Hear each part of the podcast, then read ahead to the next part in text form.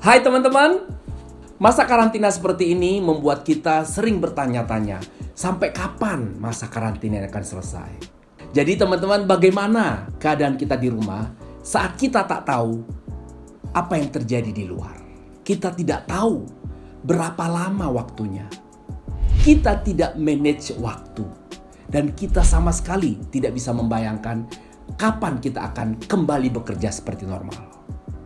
Tetapi untuk menjalani masa karantina ini, ada hal yang bisa kita kelola.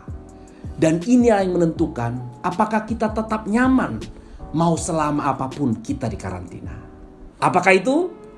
Mengelola energi. Apa yang kita harus kelola? Dalam banyak literatur saya dapat, manage your energy, not your time. Energi adalah faktor utama penentu produktivitas. Orang yang bekerja bahkan sampai 12 jam di depan laptop belum bisa dikatakan produktif kalau dia tidak bisa mengelola energinya saat bekerja.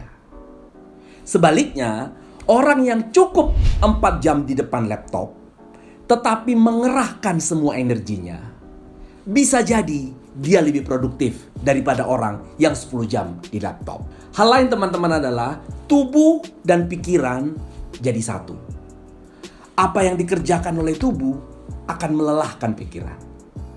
Dan apa yang dimakan oleh pikiran akan juga diasup oleh tubuh. Jadi untuk energi ini tetap ada pada tubuh, tentu saja dimulai dari pikiran. Saya akan berikan beberapa tips bagaimana mengelola energi Anda sekaligus dimulai dari mengelola pikiran kita. Sekarang saya akan berikan 4 tips bagaimana mengelola energi baik di masa karantina maupun setelah periode karantina ini. Tips pertama, mengelola segala sesuatu yang sifatnya jangka pendek. Kesehatan Anda, istirahat Anda, target-target deadline harian Anda. Juga menentukan program-program kecil yang Anda lakukan. Dengan mengelola energi Anda untuk tujuan-tujuan dan pekerjaan jangka pendek, secara otomatis kita bisa memanage energi kita sehari demi sehari, sehari demi sehari. Tak terasa sudah tiga minggu kita lalui karena mengelola pekerjaan-pekerjaan dan target jangka pendek. Tips kedua, fokus pada strategi jangka panjang. Setelah masa karantina ini, tentu saja kita segera kembali pada kehidupan yang normal, bekerja kembali di kantor, di perusahaan Anda, atau mengelola kembali bisnis Anda. Tentu saja dibutuhkan strategi baru. Karena beberapa bulan dari masa kerja kita satu tahun telah terambil di masa karantina ini. Kita butuh terobosan-terobosan baru untuk bisnis kita di jangka panjang nanti. Apakah melahirkan bisnis baru? Apakah bikin lini bisnis baru? Apakah kolaborasi baru, penghematan-penghematan baru, investasi baru, dan lain-lain? Jika Anda terus memikirkan itu, Anda akan punya energi yang besar menyambut datangnya hari baru. Dan begitu kita sudah benar-benar selesai masa karantina, Anda sudah punya ide-ide baru, Anda sudah punya strategi baru, bahkan energi Anda masih sangat baru untuk segera merealisasi strategi-strategi jangka panjang yang Anda susun pada saat ini. Tips ketiga, hindari gangguan yang mengalihkan perhatian Anda. Ketika mengerjakan tips 1 dan tips 2 tadi, sering kali tanpa kita sadari, kita terinterap oleh pekerjaan-pekerjaan yang menurut kita genting, tapi ternyata itu tidak penting. Contohnya apa? Kita punya media sosial.